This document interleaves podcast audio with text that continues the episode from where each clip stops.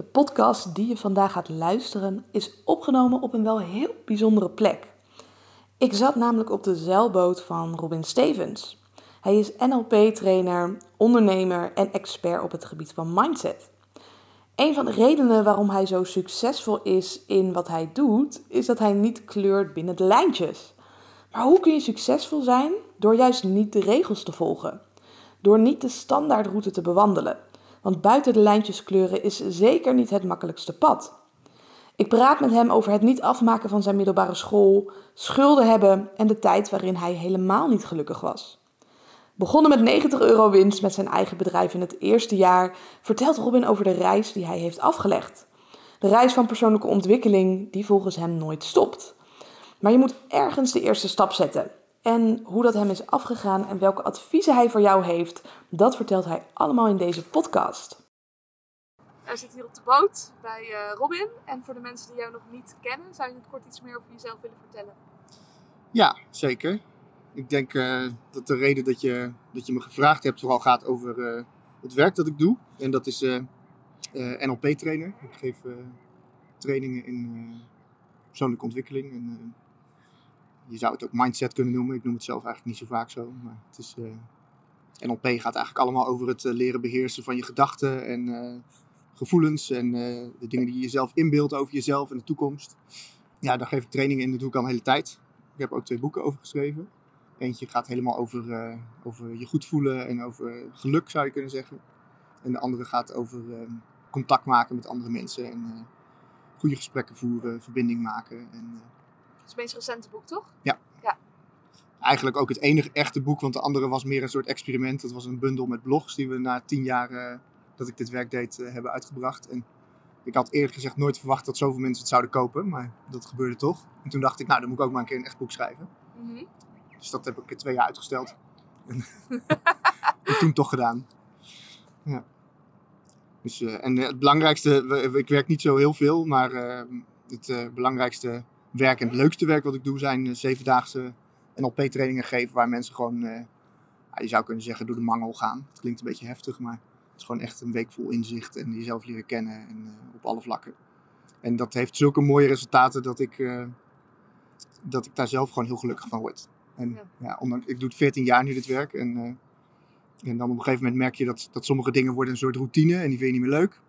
En, en sommige dingen blijven je energie geven. En, nou, een van de dingen die ik, practice what you preach zeggen ze dan, gedaan heb, is gewoon al die dingen die me geen energie meer geven, er steeds uitgooien. En dan blijft het echt, ja. blijft over. Ja. En wat me energie geeft verandert ook nog wel eens door de jaren heen. Dus in het begin gaven andere dingen meer energie dan nu natuurlijk. Dus, maar wat ik nu vooral doe is dat ja, veel schrijven, vind ik heel leuk om te doen. En dat is echt een soort nieuw ding. En die, die zevendaagse trainingen geven, een paar keer per jaar. Ja, of wat je ja. net zei, soms denk je ook dat iets je energie geeft. En dan ga je er kritisch naar kijken, naar je beweegredenen. En dan blijkt soms dat het je op een andere manier energie gaf dan je dacht. Ja, precies. Ja, dat, dat wat ik net vertelde inderdaad voordat we het gingen opnemen. Dus dat ik in company trainingen gaf heel lang. En, en om eerlijk te zijn deed ik dat eigenlijk gewoon voor het geld. En, en, want ik had altijd het gevoel dat ik daar dat ik een soort, Remco Klaassen noemt dat geloof ik een praathoer uh, was. Dat ik gewoon werd ingehuurd omdat ze toevallig nog budget hadden voor een dagje, maar dat niemand er echt zin in had. En dat ik dan dacht, ja, wat sta ik hier nou te doen? Weet je, het verdient wel lekker, maar ja, het voelt steeds minder fijn en goed. En, en dan is het natuurlijk heel makkelijk, je hoofd wil heel graag kiezen voor het geld. Ja. maar ja, in je hart voel je dat je liever mensen echt uh, iets, hel iets helpt, iets brengt. Uh, ja, en echt helpt als je daar een groep mensen hebt, kan ik me zo voorstellen, die niet echt gemotiveerd zijn en die daar maar zitten om het verhaal aan te horen. En misschien een paar inderdaad die er wel wat uithalen. Ja. Maar als je echt met mensen werkt die committed zijn, is een heel ander beeld, heel ander resultaat wat je dan gaat geven. Ja, ja dat voelt voor mij echt het verschil tussen zwemmen in water of zwemmen in de modder. En, niet dat ik ooit in modder gezwommen heb, maar ik kan me zo voorstellen. ik zou het niet aanraden, denk ik. Maar je snapt wat ik bedoel. Ja, ja je zei ik ben uh, 14 jaar geleden begonnen, in 2007 was het, zei je. Mm -hmm. Wat deed je daarvoor? In de, in de paar jaar daarvoor uh, was ik accountmanager. In de jaren daarvoor was ik uh, het spoor echt bijster. Dus vanaf mijn twaalfde tot mijn, zeg maar vanaf de middelbare school totdat ik een jaar of begin twintig was, was ik echt de meest ellendige puber die je je maar kan voorstellen. Daar maakte ik echt een zooitje van en werd ik van alle scholen afgetrapt. En, nou, voordat ik twintig was zat ik in de schulden en had, ik, had ik allemaal problemen. En had ik, nou ja, dat ging gewoon helemaal niet goed. En, en er kwam een soort omslagpunt. En dat was dat ik ineens besefte dat ik, ik kreeg een vriendinnetje. En toen dacht ik van, hey, goh. weet je, nu ben ik niet meer alleen verantwoordelijk voor mezelf, maar nu ben ik ook verantwoordelijk voor haar. En dan wilde ik het opeens graag goed doen voor haar ouders en voor mijn eigen ouders. En, en toen ging ik, ben ik heel hard gaan werken. En toen kreeg ik een, eigenlijk voor het eerst een serieuze baan. Ik denk dat ik serieus wel honderd baantjes heb gehad in de, tussen mijn middelbare school en uh, mijn 22e of zo. Stopte je snel weer met alles? Of?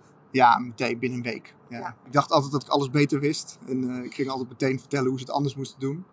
Ik kom uit een ondernemersgezin, dus ik, ja, ik denk dat ik gewoon niet geschikt was om in loondienst te werken. Nee.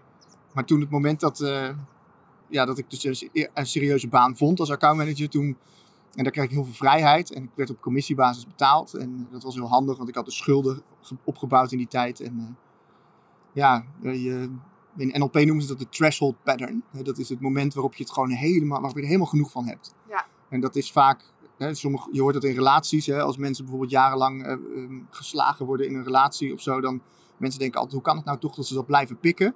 En er komt altijd zo'n punt. En dat punt, dat is het moment waarop je ineens denkt, je bent er helemaal klaar mee. Weet je? En dan ineens gaat het roer om. Ja.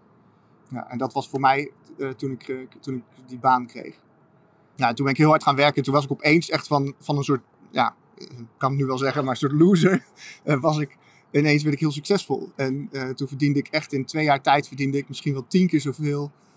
als, als in de jaren daarvoor. En ik loste al mijn schulden af. Weet je, en opeens had ik een dikke leaseauto. En iedereen keek tegen me op. Weet je, het was, het was echt alsof ik iemand anders was geworden.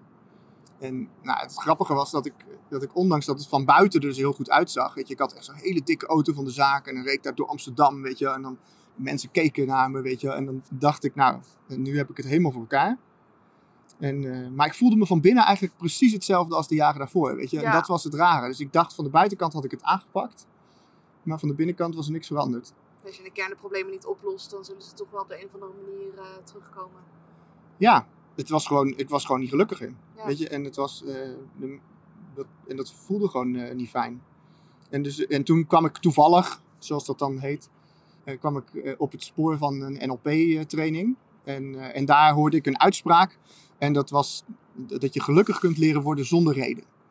En toen dacht ik, nou, heb ik de afgelopen twee jaar heb ik echt 80 uur per week gewerkt om gelukkig te worden met een reden. Dus de mensen niet met het beeld wat je had. Nee.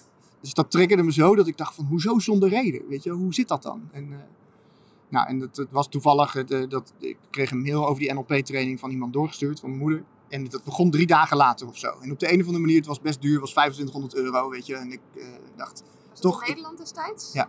Ja, in Amsterdam. Ja. ja.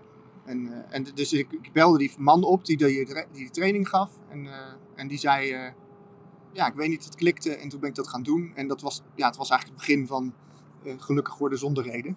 echt jezelf leren kennen. En eh, ik, nou, ik knapte daar echt zo ontzettend van op in drie dagen tijd. Dat, dat, eh, dat mijn vriendin echt, toen ik na drie dagen thuis kwam van die training, me aankeek van, wie ben jij joh? Weet je, dat, je... ja, daar, ja. Dagen. En dat, ja, dat was echt heel bijzonder. Het, was, uh, was, het veranderde echt mijn leven. Het veranderde, ik voelde me anders, alles ging lekkerder. En uh, ineens uh, voelde ik niet meer de behoefte om het te bewijzen. En allemaal dingen vielen weg. En dat uh, ja, was gewoon uh, was echt super fijn. En dat, die opleiding duurde een paar maanden, dus elk weekend werd het beter. En, en op een gegeven moment dacht ik, oké, weet je, dit, ik wil dit gaan doen. Weet je, ik wil, ik wil hiermee verder. En ik was 24, net als jij vertelde dat je 24 was toen je begon. Ja. ja. En iedereen zei, je bent gek, weet je, Robin, je hebt het mhm. eindelijk voor elkaar. Precies, je hebt zekerheid, je hebt een goede baan, ja. je hebt allemaal kansen. Ja, ja, ik kreeg net, ik, kreeg in november 2007 kreeg ik een appartement aangeboden in Londen. Om, te, om daar als accountmanager te gaan, uh, te gaan wonen en werken. En, en alles, weet je, het was een soort gespreid bedje. En toch zei ik, nee, nee, ik ga lekker één op één sessies geven, coaching naast mijn werk. En, uh, en op een gegeven moment, na een halfjaartje, heb ik ontslag genomen. En, en het gekke is, ik ging in inkomen, ging ik echt misschien wel uh, weer gedeeld door tien terug. En, dus ik, had, ik verdiende opeens maar nou, nog geen duizend euro de maand. En en we hadden weinig huur en weinig kosten, dus het kon allemaal prima. Maar ik deed wel weer wat ik leuk vond. Ja, ik deed misschien wel voor het eerst in mijn leven wat ik leuk vond. Ja, daar veranderde dat. Dat was echt, een, uh, dat was echt bijzonder. Weet je, het was voor het eerst dat ik dacht van oké, ik ga mijn hart volgen. En ik ga, Ik ga niet meer doen wat mijn ouders me hebben verteld, of wat de mensen om me heen me hebben verteld, of wat leerkrachten of wat dan ook allemaal gezegd hebben. Ik ga alleen maar doen waar ik zelf heel blij van word.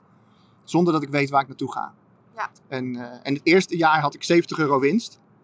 Dus eh, over het hele jaar. Dat heb je goed gedaan. Het eerste jaar heb ik 10k verlies gedraaid. Dus dat... Precies. Ja, nou oké, dat is nog, eh, ja. Nou, dat, inderdaad, zo kan je het ook zien. Ik vond het, eh, iedereen zei om me heen, je bent gek, wat doe je nou, weet je wel. Nou, en het tweede jaar had ik eh, 10.000 euro winst. En, weet je, en, en, en pas toen het derde jaar inging en het e- e- echt een beetje lekker begon te gaan, weet je, en ik er weer normaal salaris mee begon te verdienen. En weet je, weer een normale auto kon kopen, want ik reed in een van de sloopbakken al die tijd. Toen, eh, pas toen eh, begonnen mensen om me heen te zeggen van... Goh, hey, eh, jij doet wat je heel leuk vindt, hè? Weet Het je wel? werkt. En, eh, ja, en, eh, ja en, en mensen schreven allemaal leuke testimonials, weet je, over de coaching die ik gaf. Of eh, stuurden leuke reacties, of ze stuurden me een kaartje, weet je wel, van... Had ik iemand van hoogtevrees afgeholpen, dat deed ik toen nog tien jaar geleden. Vijftien jaar geleden. En, eh, en dan stuurden ze me bijvoorbeeld een foto dat ze op windsport waren, weet je. En dan dacht ik, hoe cool is dit? Tof. Ja. Dus dat voelde, zo, dat voelde zoveel lekkerder dan, eh, dan advertenties verkopen. Of eh, dan eh, wat ik ja, probeerde in stand te houden met die baan die ik daarvoor had. Je kan nog zo'n mooie auto rijden, maar op een gegeven moment zie je het ook niet meer. Nee, precies. Nee, word je nieuwe normaal. klopt. Ja. ja, ik voelde me in die... eh, Ik had zo'n Seat Ibiza gekocht op de sloop. Weet je, echt zo'n gebakje. Mhm. Met roestplekken. Alleen het rechte portier kon open. En ik weet nog de dag dat ik ontslag nam, nam weet je, dat ik mijn grote leaseauto, een Chevrolet Trailblazer, zo'n grote SUV, die leverde ik in en een vriend van me stond buiten te wachten in dat, in dat blauwe Seat Ibiza dingetje. En eh, ja, dat was gewoon echt een, was een gaaf moment, weet je wel. Want ik voelde me gewoon, ik dacht, maar mijn hoofd dacht, je bent gek, wat doe je hier? We stonden op de Herengracht, weet je, in Amsterdam, naast Bram. In het hart van het succes, zou je kunnen zeggen. Ja. En ik ging, eh, ik ging daar weg, weet je. En dat voelde zo lekker. Ja, ja dat is... Letterlijk burn your boats. Ja, We gaan eh, weg. We weten nog niet precies waar we naartoe gaan, maar we gaan het wel doen. Ja, precies. Ja, ja. En ik moet wel eerlijk zeggen dat ik in de afgelopen 14 jaar af en toe weer opnieuw in dezelfde valkuil ben getrapt. Dat ik, dat ik soms mooie aanbiedingen kreeg. Ik was nog was een paar jaar bezig en toen zei iemand: eh, hey, wil je niet voor mij komen werken? En ik ga je echt supergoed betalen. En dan moet je. En dan had ik bijna weer ja gezegd, totdat ik weer. En dat is echt, Voelde- denk ik toch, dat, dat reptiele brein, zoals ik dat noem, die dan denkt van, oh, zekerheid, dat is fijn, veiligheid. Oh ja, Maar ja, die, die krachtige versie van jezelf, die voelt van, nee, dit moeten we niet gaan doen. nou, dat dus. Ja, ja dus dat was, eh, dat was mijn verhaal. Tot zo'n stukje. Ja, je zei van, eigenlijk pas na drie jaar dat het een beetje begon te lopen. Ja, vind ik super inspirerend dat je het zegt. Omdat mensen vaak denken van, ja, maar ik ga pas beginnen als ik zeker weet dat het succesvol gaat worden. Of als het na een jaar niet werkt, dan stop ik ermee. Ja. Maar ga nou door, want dan pas begin je de resultaten te merken. Ja, ik de- ja je, je hebt gewoon een periode nodig dat je er goed in aan het worden bent. Precies. Ja. Ja. en dat het balletje begint te rollen en mensen beginnen erover te praten en dat praat weer door. En dat gaat niet in een maand of dat gaat niet in een half jaar, maar het kost echt wel meer tijd. Ja, voor, dat is, ik denk dat het met heel veel dingen zo is, ja. Het is echt de moeite waard om door te zetten. Als Ja. het, eh, en soms is het zo moeilijk, omdat je ratio je soms zulke andere dingen vertelt. Of dat het reptiele brein, zoals jij het zegt, eh, zegt van nee, je wil, eh, je wil zekerheid. En je wil, ehm, je wil iets kiezen wat logisch is, in plaats van iets wat goed voelt. Precies. In onze maatschappij worden we zo vaak gedwongen om dingen te doen die logisch zijn. Hè, dat we, hebben, we bouwen onze hele levens als een. het hele fundament van onze samenleving is dat we, dat, we die, dat we dat die veiligheid zoeken en dat we steeds maar bij willen dragen aan, eh, aan dat wat andere mensen denken dat een goed idee is met ons leven. Ja, ga maar studeren. Dan heb je Ja. in ieder geval de zekerheid dat je een baan kan krijgen. Of Ja, hè, klopt, de- ja. al, al die zekerheden gaan maar in loondienst, want dan weet je zeker dat je een baan hebt. Terwijl als je uiteindelijk niet gelukkig bent, ja, wat ben je dan aan het doen? Nou, dat. Ja. Ja, En achteraf gezien denk ik wel eens, weet je, dat die school toen was dat natuurlijk heel problematisch en heel vervelend voor mijn ouders en eh, heel eh, vervelend voor mij ook. Want ik dacht echt dat er wat mis met me was, dat ik niet functioneerde in het systeem wat ze voor me bedacht hadden. En achteraf gezien kan ik zien dat het, hoe zeg je dat, dat ik, I was onto something, weet je. Ik was, ik was ergens naartoe, ik wist dat, dat, iets, dat ik iets wilde, maar ik wist nog niet wat. Ja, ja precies. ik wist, wilde alleen niet dat wat ze voor me bedacht hadden. Ja. Nee, ik heb een tijd in speciaal onderwijs gewerkt en dat vond ik ook zo mooi om te zien dat die kinderen die passen eigenlijk niet in een normaal schoolsysteem. En alsnog in speciaal onderwijs proberen we ze ook stil te laten zitten terwijl ze ADHD hebben. En de kids die ik dan begeleide, die nam ik gewoon lekker mee naar buiten. En dan gingen we rennen en dan gingen we sporten. En daardoor knapten ze zo op, omdat je dan kijkt van welke regels werken voor hen. In plaats van in welk hoekje proberen we ze te duwen. En ik denk misschien dat jij dat ook een beetje hebt gemerkt van ja, als je een normale schoolsysteem hebt, of een normale werksysteem, dat werkt helemaal niet voor mij. Precies, ja. Ja, ontdekken wat voor jezelf werkt. Ja, je eigen regels bepalen, dat past natuurlijk heel erg bij het ondernemen. Ja, nou daarom, ik denk dat, dat ik ben geen typische ondernemer in de zin van dat ik eh, eh, altijd de behoefte heb om te groeien. Of dat ik eh, heel groot wil worden. Of dat ik eh, 80 uur per week op kantoor wil zitten. Maar de manier waarop ik onderneem voelt voor mij heel erg als vrijheid. Weet je? En elke keer de keuze maken om te kiezen voor iets wat ik echt belangrijk vind. Als je dus in een bepaald, bepaald zo, bestaanssysteem komt, dan, eh, dan kan dat niet. Want dan hebben ze al voor je bedacht op basis van, ja, ik weet niet, oude energie. eh, dat het op een bepaalde manier moet. Ja, wat het gebaande pad is, als je promotie wil maken, dan moet je bijvoorbeeld dan zo lang werken. En degene die het langste werkt of deze dingen allemaal heeft gedaan. Ik heb toen een boek gelezen en dat heette van Nice Girls Don't Get the Corner Office. En dat Oh, ging ja. dan over carrière maken. En ik las dat boek en ik dacht echt, nou hier wil ik gewoon niet aan meedoen aan deze, aan deze spelregels om dan carrière te maken. Dat is ook een van de dingen die bij mij eraan heeft bijgedragen. Ik dacht, ik ga het anders doen. Ik ga gewoon lekker ondernemen en ik bepaal dan mijn eigen regels. Nou ja, ja, precies. Maar heb je in die drie jaar wel eens gedacht toen je begon van... Ah, ik, ik stop ermee, ik ga weer terug eh, naar die oude patronen? Nee, volgens mij niet. Nee. Nee, weet je wat, wat, wat heel erg scheelde? Was dat ik, ik had een... eh, ik had een goedkoop appartement in die tijd, weet je, gewoon eh, weinig huur. En ik had, ehm, ik, deed, ik, ik kon altijd hard werken, nog steeds trouwens als het nodig is. En dat, eh, ik deed het in de weekenden en s'avonds eh in het begin. En ik had dan gezorgd dat ik eigenlijk al eh, ongeveer 1000 euro in de maand verdiende om, zeg maar, in de, in de avonturen en de weekenden. Ja, dus die zekerheid die had je. Dus ik kon mijn huur betalen en ik kon boodschappen doen. En, ja. En dat, en dat was dus het begin. En dat ik, maar die vrijheid die ik terugkreeg, want ik stond elke dag twee uur in de file naar Amsterdam en twee uur terug. Dus ik hield gewoon 60 uur per week over. Weet je, en die tijd kon ik gaan besteden aan dingen die ik heel leuk vond om te doen. En dat was zoveel waardevoller dan, eh, dan wat voor geld dan ook. En het voordeel is denk ik dat ik was natuurlijk jong, 24, en dat je dan... eh, je hebt nog niet een soort van heel verantwoordelijkheidssysteem voor jezelf opgebouwd. Met allemaal kinderen en, eh, Mhm, en, ja. Je hoge vrijheid. hypotheken en weet ik veel wat allemaal. Ja, want ik denk wel dat je, ja, als, je daar, als, je daar als je dat wel hebt en je bent daar gevoelig voor, dat je dat allemaal eerst wil regelen. Mensen zitten vaak helemaal aan de top van hun, eh, van hun uitgavenpatroon. Hè. Ze- ik vind We zelf kopen een altijd... huis wat net boven de marge is. We rijden net even een dure auto. Ja. ja, en dan zijn dat soort beslissingen worden wel een stuk moeilijker. Ik heb wel eens iemand gesproken, een, een, eh, een coachie, die had een, was een advocaat, haar hele familie was advocaat.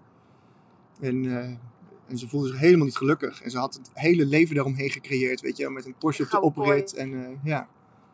En ja, na een tijdje, de, de- toen we ontdekten wat ze echt belangrijk en leuk vond, eh, hield ze heel erg van schilderen, weet je. Nou, het is echt iets waar je, eh, waar je natuurlijk niet meteen zo'n salaris mee verdient. Maar toen, zei ze, toen heeft ze toch, op een gegeven moment zei ze, ik vind het gewoon te belangrijk, weet je. Toen heeft ze het huis verkocht, auto's verkocht, spullen weg.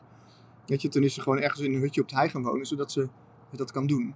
Cool. En ze is niet begonnen op die manier. Ze is eerst één dag in de week gaan schilderen, om te kijken of ze het nog steeds leuk vond. Weet je. En dan, Stap dan voor je- stap. ja, en dat, ja, ik weet niet. Er is wel moed voor nodig, denk ik. Heel veel. Ja. Ja.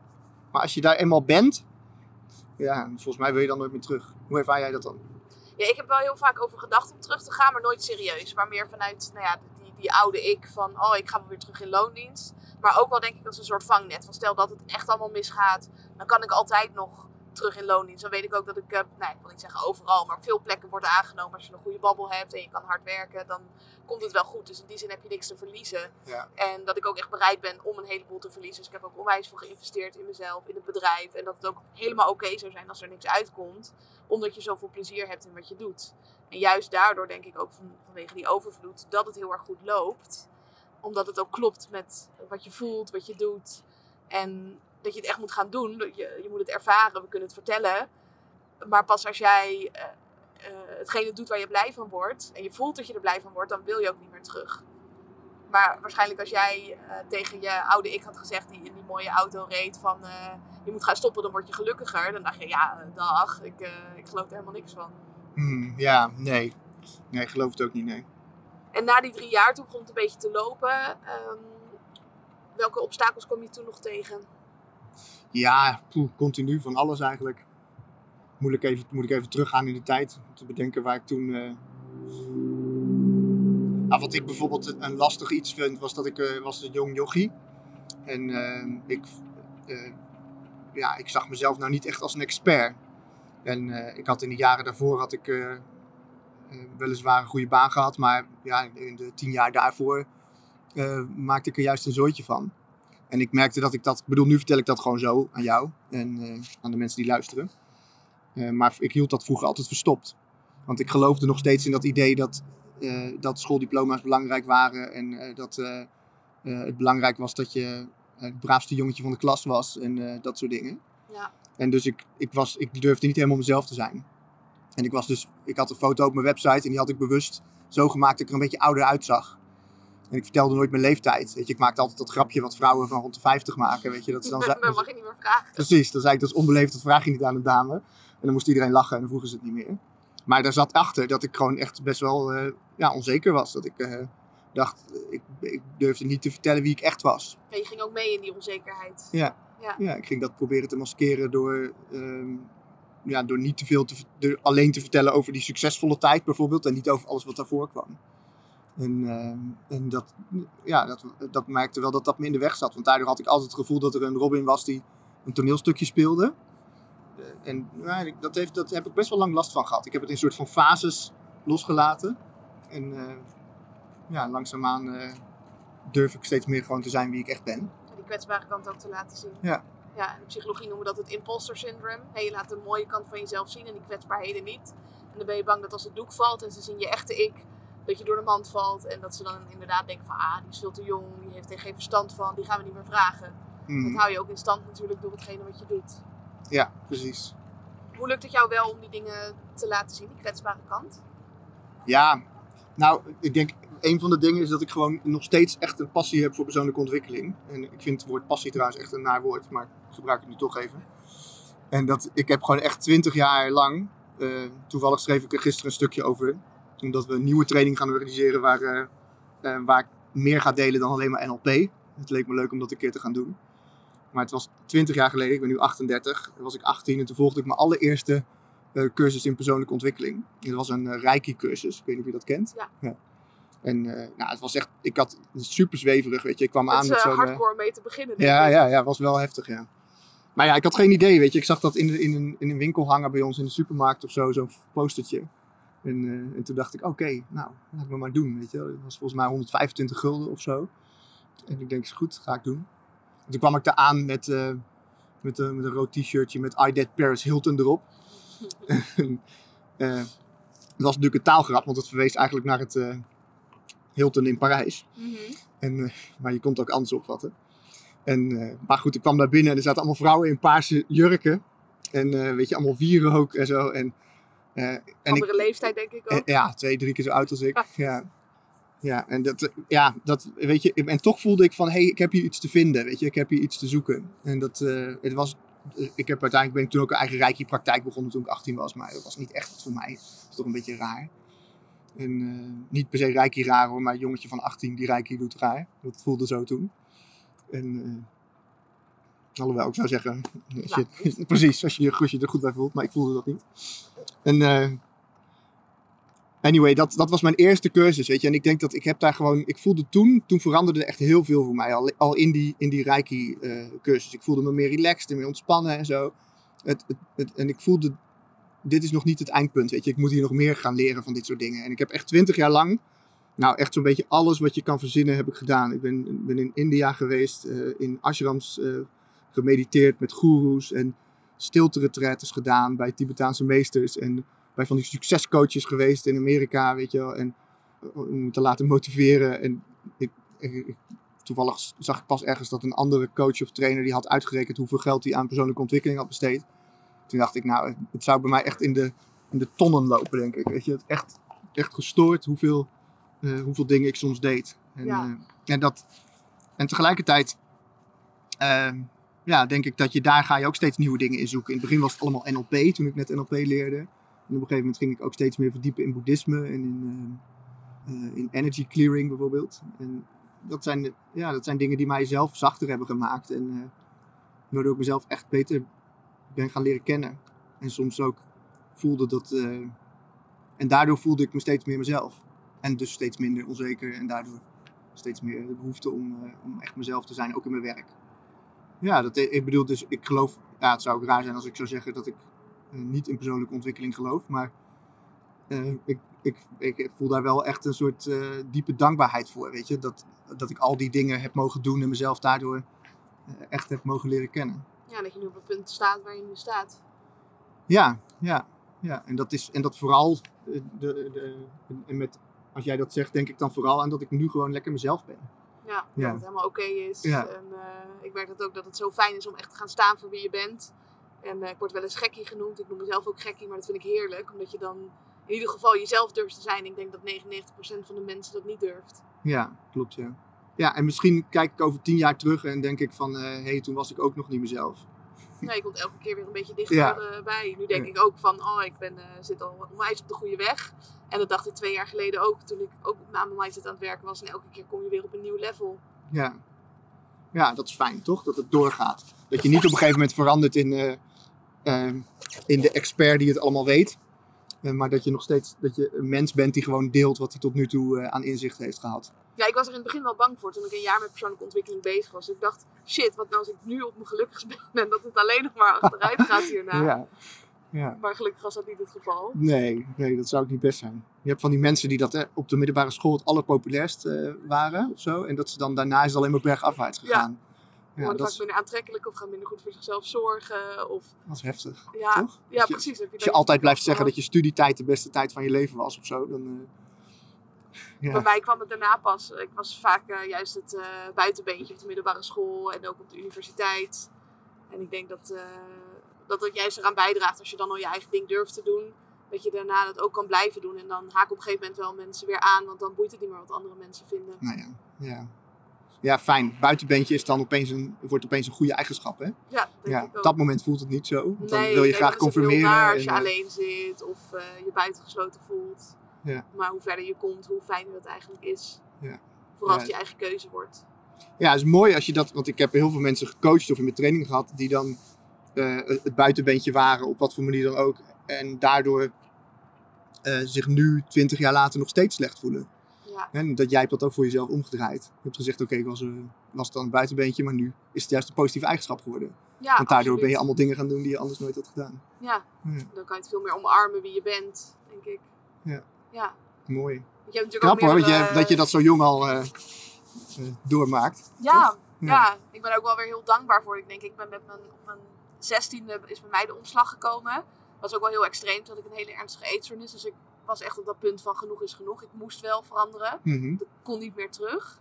En omdat ik denk ik toen al begonnen ben met persoonlijke ontwikkeling en echt eh, op mijn twintigste rolde ik een beetje de mindsetwereld in, dan heb je al een voorsprong op nou ja, de andere mensen die dat pas later ontdekken of daar helemaal nooit mee bezig zullen zijn. Ja.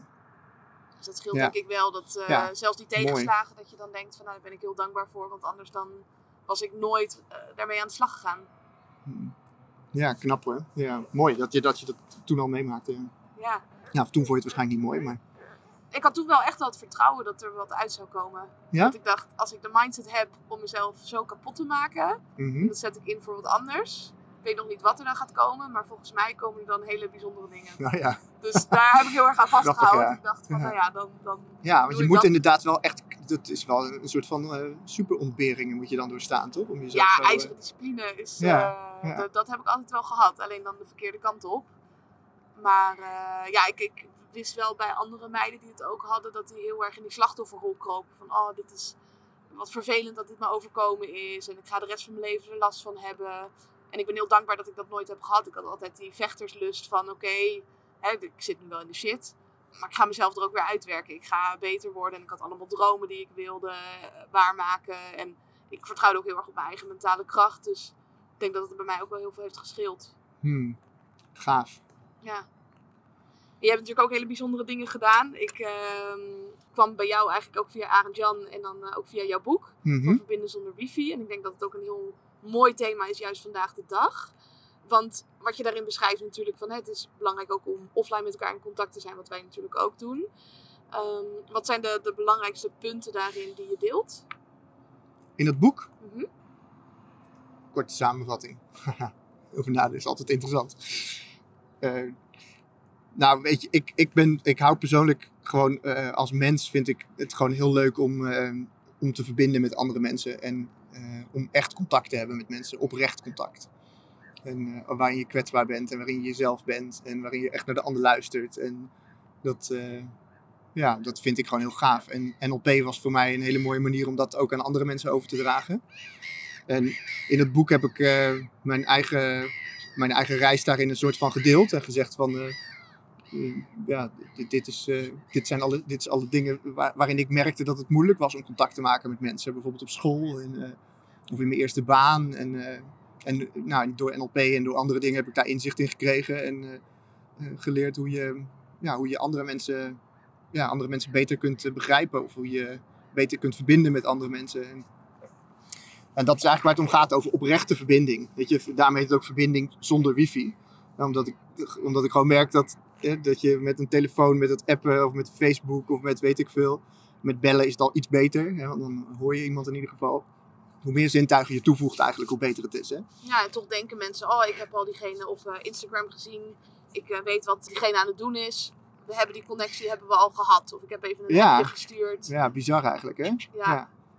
Terwijl je, je geeft dan misschien maar 2% van de informatie die je, eh, die je zou geven wanneer je gewoon even 10 seconden tegenover iemand zit. Je geeft alleen maar de successen vaak. Ook dat gedeeld. nog, ja. ja. Ja, Want je vertelde ook van, eh, je hebt eventjes op Instagram gezeten. Of, of voor je bedrijf werd er op Instagram gezeten. Maar daar ben je ook weer mee gestopt. Dat past daar ook wel weer heel mooi bij. Dat je juist je eigen regels bepaalt. En ook al zit iedereen op Clubhouse of Instagram of wat dan ook. Maar dat je gewoon kiest van wat werkt er voor mij. ja voor mij voel ik had het, was er nooit aan begonnen. Maar ja, ik volg wel eens marketingcursus natuurlijk, gewoon voor mijn bedrijf. En, ehm, en daar, dus ik leerde daar iets over, van dat het belangrijk was om dan eh, hè, laten zien dat je een eh, autoriteit bent in je markt en bla bla bla. En toen dacht ik, oké, is goed, ik ga wel op Instagram. En dus toen had ik iemand ingehuurd om dat te doen. En, eh, en op zich deed ze dat heel goed hoor, want ze maakte hele leuke content. Veel leuker dan ik zou kunnen doen. Ja. En, maar tegelijkertijd was ik het niet.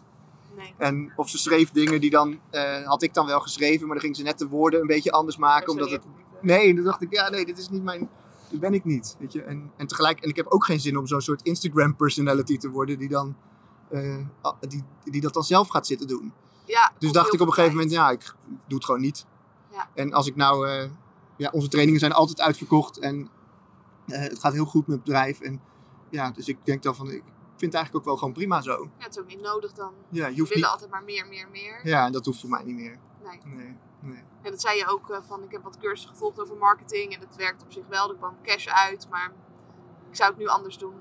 Ja, precies. Ja, soms vind ik het wel eens leuk om te proberen hoor. Ja. Dan denk ik van, oh, eens even kijken wat er dan gebeurt als Kan je... ik een bestseller schrijven? Ja, ja, dat, ja, dat vond ik wel... Kijk, ik vond het wel heel leuk. Ik dacht, oké, ik vind schrijven heel leuk de laatste jaren. Maar ik dacht, als ik dan een boek schrijf, wil ik ook wel dat mensen het gaan lezen. Hoe En zorg je daar dan voor? Ehm, hoe ik ervoor gezorgd heb? Ja, want je zei dat eerste boek dat was ook per ongeluk een succes geworden. Nou, het tweede boek is natuurlijk ook een succes geworden. Ja, nou, ik schrijf... Ik heb een, een maillijst eh, waar ik altijd gewoon stukjes over mijn eigen persoonlijke ontwikkeling eh, deel. En dat eh, doe ik al tien jaar. Dat is ook een vrij grote lijst. Eh 40.000 mensen zitten erop. En, en dat wordt goed gelezen en mensen reageren er ook goed op. En dat, ja, en dat, dat vind ik heel leuk. Weet je? Dus daar, en toen ik een boek ging schrijven, heb ik dat gewoon meteen gedeeld. En gezegd, hey, ik ga een boek schrijven of ik ga een boek bundelen. En, eh, eh, en, dat, eh, en dat was bij dat eerste boek, resulteerde dat in dat ik dus dacht van nou, er zal wel een man of 30 komen naar die boekpresentatie. En toen kwamen er 300. En, eh, en dat was toen nog live, toen kon dat nog in een echte zaal. Ja, En, en toen dacht ik zo, dat is wel, dat is wel echt vet zeg, wat leuk. En, en, ja, en dat toen vervolgens kwam, omdat er dus heel veel van verkocht werd, kwam het boek dan ook in van die management toplijsten te staan. En eh, ja, en voor je het weet eh, verkoop je er dan een heleboel. En dat, ja, gewoon, het, dat was eigenlijk meer geluk dan de wijsheid. En gewoon omdat, omdat dat heel veel mensen me al eh, volgden, zeg maar. Ja. En met het tweede boek heb ik er wel echt een soort strategie op toegepast. Door gewoon van begin af aan heel veel erover te delen en over te vertellen en mensen erin te betrekken. En een hele coole boekpresentatie te organiseren midden in coronatijd. Digitaal, waar we een speciale studio voor hadden gehuurd. En dat was, eh, nou, daar kwamen 800 mensen kijken. En ik doe nooit iets online. Eh, dus dat was wel, eh, was wel heel leuk eigenlijk. ja, En ik vond het eigenlijk natuurlijk super jammer dat ik het niet live kon doen. Maar tegelijkertijd was het ook wel weer eh, creatief ondernemerschap in die zin. Dat je dan denkt van oké, we kunnen nu niet live, dan gaan we maar iets anders doen. ja, misschien komen daardoor wel meer mensen opdagen dan als je het offline had gedaan. Ja, wie weet ja. Ja, ik denk in ieder geval, eh, ja, was het een, eh, was het een succes en was het leuk. En, eh, en daardoor, doordat er dus meteen al 800 verkocht waren aan het begin, kwamen we uiteindelijk op eh, nummer 1 eh, in de Management Top 100. En, dat, en daardoor werden er natuurlijk nog weer meer verkocht en zo. Precies, dat dus, ja. En ja, het is wel grappig. Weet je, ik had de titel Verbinding zonder wifi had ik letterlijk bedacht een maand voordat, eh, voordat we corona maatregelen kregen in Nederland. Dus toen wist ik nog helemaal niet dat er zo'n periode zou aankomen van dat iedereen met elkaar zou zoomen en al dat soort gekke Ja. dingen. Eh, dus het was toevallig eh, dat het gebeurde zo op die manier. Maar eh, ja, de titel had niet beter gekozen kunnen zijn, denk ik. Precies, super Want, relevant. hoe, de ja, want hoeveel behoefte hebben we daar nu wel niet aan, toch? Aan, Ja, aan echte verbinding en aan echt samen zijn. En, ja. Ja, ook voor de podcast, dat we zeiden van hoe gaan we het opnemen. Dat ik ook zei, nou het liefste kom ik gewoon offline langs. En dat is natuurlijk ook jouw voorkeur. Dat is een hele andere vibe heb je dan. ja, dan zeker we op weten. Zoom op play drukken. En dan gaan we even een uurtje met elkaar praten. En dan drukken we hem weer uit. En dat is het dan. Ja, dat is, een, dat is een wereld van verschil. Ik heb het ook nog nooit gedaan, digitaal opgenomen. Jij wel? Ja, in coronatijd dat de voorkeur van sommige gasten daarna uitging. En dan, eh, Ah ja. nou ja, zeg ik, nou prima, dan eh, doen we het op die manier. Maar een aantal gasten wel dat ik daarna nog een keer langs ben geweest om toch nog even te connecten. Want ja, anders dan is het zo vluchtig. Ja, ja, ja, is gek toch, hè? Ja. Ja. Dat het toch, toch anders is. Ja, het is totaal anders. Ja. Dan mis je toch even de, de energie van de ander, maar ook het gesprekje ervoor, nog even wat erna. Ik heb juist vanuit de podcast, ik ga vanmiddag bijvoorbeeld trainen in de Oude Kerk in Amstel. Mhm. En eh, de mensen die daar trainen ken ik allemaal via de podcast. Dus dat is één eh, wereldkampioen roeien. Die is ook in de podcast bij mij geweest. Nou, degene die daar dan woont in Oude Kerk, die heb ik ook in de podcast gehad. is ook een ondernemer. En nog iemand anders die meetraint is eh voormalig militair ook ondernemer. Die heb ik ook in de podcast gehad. En omdat ik die allemaal offline heb opgenomen, heb je toch een hele andere connectie met ze. En dan zeg ik, nou laten we nog eens een keer wat leuks gaan doen. Laten we samen trainen. Of laten we eh, een keer het ijsbad gaan en een sauna sessie doen. Dus Ja. dat is weer een hele andere ja, manier dan dat, dat je de podcast samen opneemt. Dat is eigenlijk de intentie. Maar er Mhm. komt veel meer uit dan alleen dat. ja. Ja, precies. Ja, dat is leuk. Ja, dat is ook wel, dat is ook wel leuk van podcast, denk ik, hè? Dat vind ik heel Ja. leuk. Ja. Ja. Ik ben eigenlijk de podcast zonder strategie begonnen. Ik denk, nou, ik eh, ben eerst met eh, eigen podcasten begonnen. Dus dan sprak ik gewoon in als ik een inzicht had in mijn telefoon. Of eh, soms met de microfoon van de laptop. Wat ik had meegemaakt en wat het inzicht was. En op een gegeven moment begon ik met die interviews. Maar helemaal geen strategie, maar puur om eh, waarde de wereld in te slingeren. Ja. En toen merkte ik wat voor toffe dingen er ook uitkwamen. Dat het ook dan voor mezelf heel interessant is. En dan hoor je later van andere mensen: Oh, je podcast is echt super waardevol. Maar daar heb ik eigenlijk bijna geen idee van. Nee, Hoe nee, dat, helemaal niet. Precies. Ja, dat lijkt me, wel, lijkt me ook wel weer lastig. Ik werd toen voor het allereerst eh, door eindbazen geïnterviewd. Ja, En dat, dat, ik, ik had het nog nooit meegemaakt toen. En, eh, maar daar deelde ik ook eh, best wel wat van mijn verhaal, was al een paar jaar geleden. En toen opeens kregen we dus allemaal mensen die zeiden van... Oh ja, ja want ik vond het echt zo, zo gaaf om te horen, weet je. En toen dacht ik, oh ja, dat is raar. Ik was helemaal niet gewend. dat? Ja, want ik luister nooit podcasts. En dus ik eh, echt gewoon helemaal niet. Ik heb dat vroeger wel van die... luisterde ik van die Amerikaanse cd'tjes in de auto toen ik nog in Amsterdam werkte. Maar op een gegeven moment had ik te, was ik er klaar mee. Ik hoefde niet meer in de file, dus dan had ik ook geen podcastmomenten meer, dacht ik. Mhm. En, maar ja, mensen vinden dat echt leuk. Ja, mensen houden daar echt van.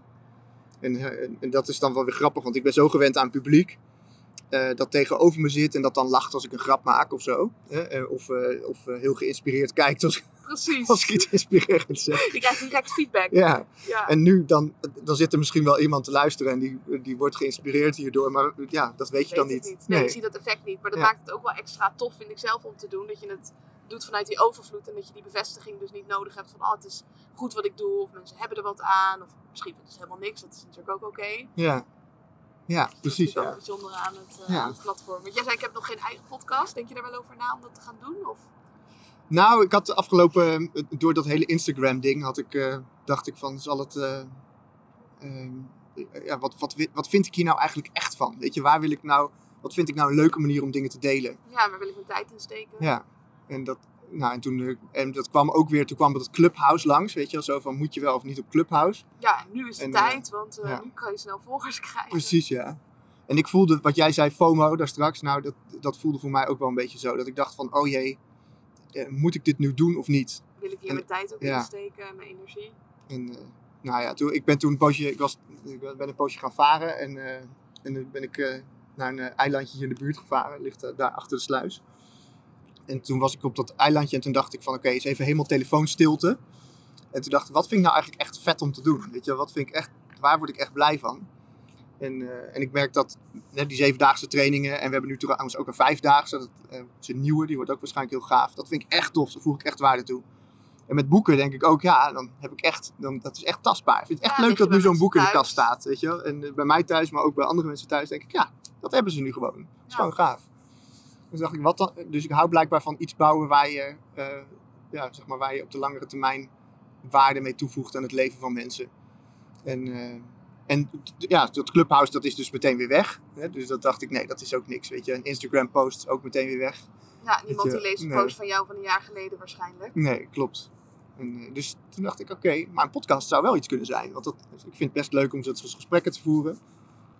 En of het, of het dan een monoloog moet zijn, zoals jij zei, dat zou ook nog kunnen. Weet je? Dat is, eh, maar of echt leuke gesprekken met andere mensen. Ja, wie weet. Wie weet. Leuk. Ja. andere plannen voor de toekomst?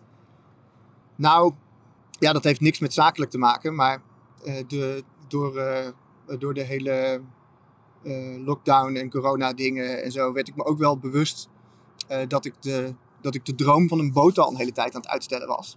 En dat, eh, ja, en, en op een gegeven moment toen dacht ik van, ja, ik ben heel verstandig aan het omgaan met, eh, met mijn geld, weet je. Ik ben het, eh, weet je, mijn huis aan het aflossen en eh, aan het leggen en weet je, dat soort dingen aan het doen.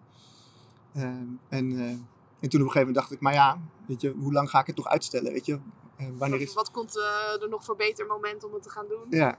Dus toen kwam het, vorig jaar gingen we zoeken en ja, en op een gegeven moment hebben we toen dus echt een mooie boot gekocht waar we echt langere tijd mee weg zouden kunnen. Dus de bedoeling is wel om, om dat ook te gaan doen. En eh, om gewoon, eh, we hebben dit jaar al veel meer vrij gepland en eh, agenda leeggemaakt. En eh, ik heb vijf jaar geleden een keer een jaar vrijgenomen om eh, een soort wereldreis te gaan maken. Niet de hele wereld over, maar een tijdje te gaan reizen. En, eh, en nu denk ik van, nou misschien ga ik nu wel eens eh, wat langere tijd vrij plannen dit jaar om, eh, eh, om meer te gaan zeilen. En, eh, ja, meer, eh, en waarschijnlijk eh, in het begin is het gewoon eh, Nederland. Eh, maar wie weet. als ik hier meer over kan varen, dan ben ik al hartstikke happy. Precies, ja. Als we nu, eh, ja. En we zijn meer, eh, sinds oktober hebben we de boten. De meeste melen halen, halen hem uit het water in, de- in de winter. Maar wij laten hem erin liggen. En we zijn in het weekend, elk weekend hier. Dus ja, het is gewoon grappig. Weet je, dat, en dat voelt ook weer heel goed. En dat is misschien niet de. Ja, daar moet ik natuurlijk andere dingen voor laten schieten. Werkdingen. Ja. En dat, nou, dat, is, dat is fijn. Het is fijn om gewoon. Ja, ik, ik weet niet of je ooit wel eens wat gelezen hebt over dat. eh, hoe noemen ze het ook weer? Een soort van pre-pensioen of zo. Mhm. Ja? Ja, dat Ja. je dat beter eerder kan doen dan later. Ja. En nu heb je dan de tijd en de energie en soms nog niet het geld. Eh, maar wat je zegt, ik heb het allemaal verstandig gedaan. Dus dat is er op zich. En hoe ouder je wordt, dan heb je wel meer geld, maar minder energie. En op een gegeven moment dan wel meer tijd. Maar dan ben je met pensioen en dan kan het niet meer. Ja, nou, dat, eh, ja, ik las toevallig een paar boeken van mensen die dan met hun boot rei- reizen en gereisd hebben. En die dan zeggen van wat je tegenkomt zijn dus heel veel pensionado's die dan ergens in havens liggen met hun boot en dan pas die dingen gaan doen. Ja, En deze mensen die die boeken schreven waren wel jong. ja waarom Of- zou het niet eerder doen? Ja, het is toen ook dacht ik wel van- mogelijk. Ja, het is, en, ja, het is, wel, eh, het is wel inspirerend. Er is een boek van een meisje die, eh, en een jongen die, eh, die dan op hun 27ste of zo dat gaan doen. Terwijl ze maar 1000 euro in de maand als budget hebben. En ze hebben maar voor één jaar aan geld bij zich. Dus ze hebben maar 10.000 euro bij zich. En dan willen ze een wereldreis gaan maken. En eh, nou, het, het- en er gaat echt van alles nog wat mis. Weet je, dat boek, eh, de- vijf jaar lang zijn ze aan het begin aan het klussen. En dan gaan ze pas veel later dan ze gepland waren. Maar ze gaan wel en ze blijven uiteindelijk zes jaar weg. En, eh, weet je, en dat, ik vind dat dan zo inspirerend. Weet je, ik denk dat als je het over mindset hebt, weet je, dat je gewoon denkt, ik ga gewoon dromen waarmaken. Ik ga het gewoon doen. ik ook ga niet ik wachten tot ik-. Ja, dat is wel, dat is wel grappig. Het is een, eh, een YouTube-kanaal van een paar zeilers dat heet Wat als je de loterij niet wint? Weet Wat je? cool. Ja. En toen dacht ik, wat een goede titel zeg. Weet Ja. je wel? Want waarom ga je je hele leven wachten? Hè? En ga je roepen dat je alleen dat soort dingen kan doen als je miljonair bent? Of, Ja, eh, en hopen dat je dan miljonair wordt. ja. En dan word je het en dan ben je 70 en dan zit je op je boot. Weet je wel? En dan kan je misschien niet eens meer zeilen. Ja, en we zeggen dan vaak miljonair. En ik vind dat Tim Ferriss dat zo mooi in zijn boek beschrijft. Van, oké, wat zou je dan doen als je miljonair bent? En als je kijkt wat dat eigenlijk kost, dan kan je dat vaak met een paar duizend euro allemaal Nou, zegt doen. hij dat ook, ja? Ja. Oh, ja, ja, dat zeg ik ook altijd. Ja, Ja, ja, precies. Als je echt de sommetjes gaat maken. Nou, je wil een Ferrari rijden. Nou, dat kost denk ik eh, 200 euro om een rondje op circuit te rijden. Nou, je wil naar de andere kant van de wereld vliegen. Nou, tegenwoordig heb je voor 500 euro heb je al een ticket. Ja, Ehm, je hoeft geen eh 1 met 6 nullen op je bank te hebben om Precies, dat nee. te kunnen doen. want de kans is groot dat tegen de tijd dat je dat hebt, dat je dan denkt dat dat nog steeds niet genoeg is. Nee, of dat je het dan niet meer op kan maken. Ook dat ook. ja. ja. Ja, Ja. Dat is bijzonder, ja. Ja, dat is wel gaaf. Dat is heel anders, weet je. Mensen, maar ik vind dat wel echt inspirerend. Mensen die gewoon zeggen, ik laat dus alles los en ik ga gewoon, ik ga gewoon zeilen. En eh, ik, ik weet niet of ik die ambitie heb hoor, om de wereld over te zeilen. En, maar om gewoon tijd daarvoor vrij te maken. In plaats van verstandig zijn en, tijd, en, en nog meer werken. ja en wachten tot de tijd eh, rijp is. Ja, precies. Ja. Ja. Dus, eh, ja. En ik besef ook wel dat dat niet voor iedereen kan. Hè, dat, eh, maar ja, er- kan meer dan je denkt, denk ik dan. Dus je kan het in ieder geval voor jezelf gaan creëren, denk ik. Ja. Toen ik een half jaar aan het ondernemen was, toen boekte ik al mijn ticket naar Thailand. En ging ik daar locatie onafhankelijk werken. En dat kan ook allemaal. Oh ja, principe, tof ja. ja. ja. Ga je dat nu ook weer doen, zei je dat nou? Ik ga nu met de auto eh, naar het zuiden rijden, dus we hebben nog geen plan waar we precies naartoe gaan. Oh ja, Waarschijnlijk als deze podcast online komt, dan ben ik wel ergens. Maar eh, om ook locatie onafhankelijk te werken. Oh ja. Want En kan wie is we dan? eh, met mijn zusje ga ik samen. oh ja, tof. Maar normaal gesproken als ik naar Azië ga, dan ging ik regelmatig naartoe voor corona. Dan ging ik in mijn eentje en dan zag ik ook wel waar ik uitkwam. Oh ja, ik een cool. ticket en dan eh, Ja, gaaf. zag ik het wel. Ja, Ja, Mooie tijd hè, dat het allemaal kan, toch? ja fantastisch. Ja. Dan beslis je gewoon per dag, wil ik blijven, wil ik weg, wil ik werken, wil ik vrij zijn. Ja, Ja, dat vond ik echt fantastisch. ja bijzonder. Gewoon helemaal leven op je gevoel eigenlijk. Wat je inderdaad ook zegt, ik had helemaal geen plan in te ondernemen. Ik heb wel een plan waar ik ongeveer naartoe zou willen. Mhm. Maar ik kijk het vooral heel erg per dag of per week wat ik wil doen en waar ik gelukkig van word. Ja. En is je zusje ook, werkt eh, voor jezelf of zichzelf? Eh, nee, nog niet. Maar ik denk dat ze het wel gaat doen. Ja. Ja, ze doet nu Ja, een studie. je hebt nu een goed eh, voorbeeld natuurlijk. Ik, ja, Ja, ze zegt ook, je hoeft helemaal niet te coachen. Je hoeft niet me te helpen met mijn businessplan. Maar gewoon puur dat jij er bent en dat jij het doet. Dat is al inspiratie genoeg. nou ja. Ja, ja, precies. Ja. Je laat zien, je, je laat zien dat het kan. ja, precies, dat het mogelijk is. Ja. Heb jij nog een laatste tip om aan de luisteraars mee te geven? Wat is in jouw optiek het belangrijkste waar ze mee aan de slag zouden kunnen? Ja, dat is een goede vraag. Het hangt natuurlijk helemaal af van waar je bent in je, in je persoonlijke ontwikkeling. Maar eh, wat, ik vind het echt super waardevol als je. eh, waar, ik echt het meest dankbaar voor ben, is dat ik ooit een keer de beslissing heb genomen om mezelf gewoon echt goed te leren kennen. En eh, op het niveau van gedachten en overtuigingen en wat ik echt belangrijk vind in het leven. En als je als je voor jezelf gaat ontdekken wat jij belangrijk vindt, wat jouw definitie van succes is.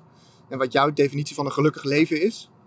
eh, en, eh, en je gaat daar aandacht aan geven. En je laat al het andere los. Dan krijg je echt een heel eh, tevreden en waardevol en, eh, en gelukkig leven.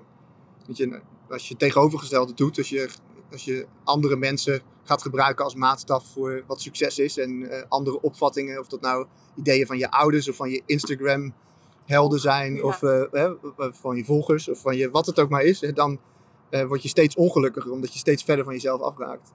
En jezelf echt, weet je, plan gewoon offline tijd in. En ga gewoon in je eentje eh, een paar dagen weg, ga in een hutje op de hei zitten. Ik weet dat de meeste mensen het niet doen, maar Dat vinden ze vreselijk. ja, Al een uur zonder telefoon vinden ze moeilijk. ja precies. Nou, begin je daarmee. Ja, Ja. En dan zet je hem uit en dan ga je eens, denk, en dan ga je eens voelen. Dan ga je eens een wandeling maken zonder telefoon, weet je. En dan ga je eens een keer een nachtje weg zonder telefoon. En dan steeds meer voelen, wie ben ik eigenlijk? Wat vind ik eigenlijk belangrijk? Maar ik vaak weten we het helemaal niet, omdat we zo uit verbinding zijn geraakt met onszelf. Dat we ook niet meer weten wat we willen of waar we happy van worden. Ja, precies. Dus om die connectie weer terug te vinden en dan te gaan kijken, wat wil ik nou? En daar ook keuzes in te gaan maken. Ja, dat, ik dan denk als je... eh, en ja, voor de ene is dat NLP en voor de andere is dat Reiki en voor weer een ander is het eh, meditatie. Weet je, er zijn allemaal tools te vinden en er zijn zoveel dingen. En volgens mij kan je, eh, kan je online heel veel doen en je kan live heel veel doen. En er zijn zoveel dingen die je kunnen helpen om jezelf te vinden. Of ja, te vinden is zo'n heftig woord, maar te inzicht te krijgen in Ja, jezelf. dichter bij jezelf te Dichter komen. bij jezelf te komen. Ja, Is dat wat? Is, Ja. ja. om mee af te sluiten. ja top. Top. Leuk. Hartstikke leuk dat je naar deze podcast hebt geluisterd. Mochten we nog niet connected zijn, volg me even op Instagram, @isabellelifts of download even mijn gratis e-book met meer dan 50 tips over mindset via isabelleveteris.com. En ik hoor ook heel graag wat je van deze podcast vond. En dat kan je doen door even een screenshotje te maken van eh, de podcast zelf.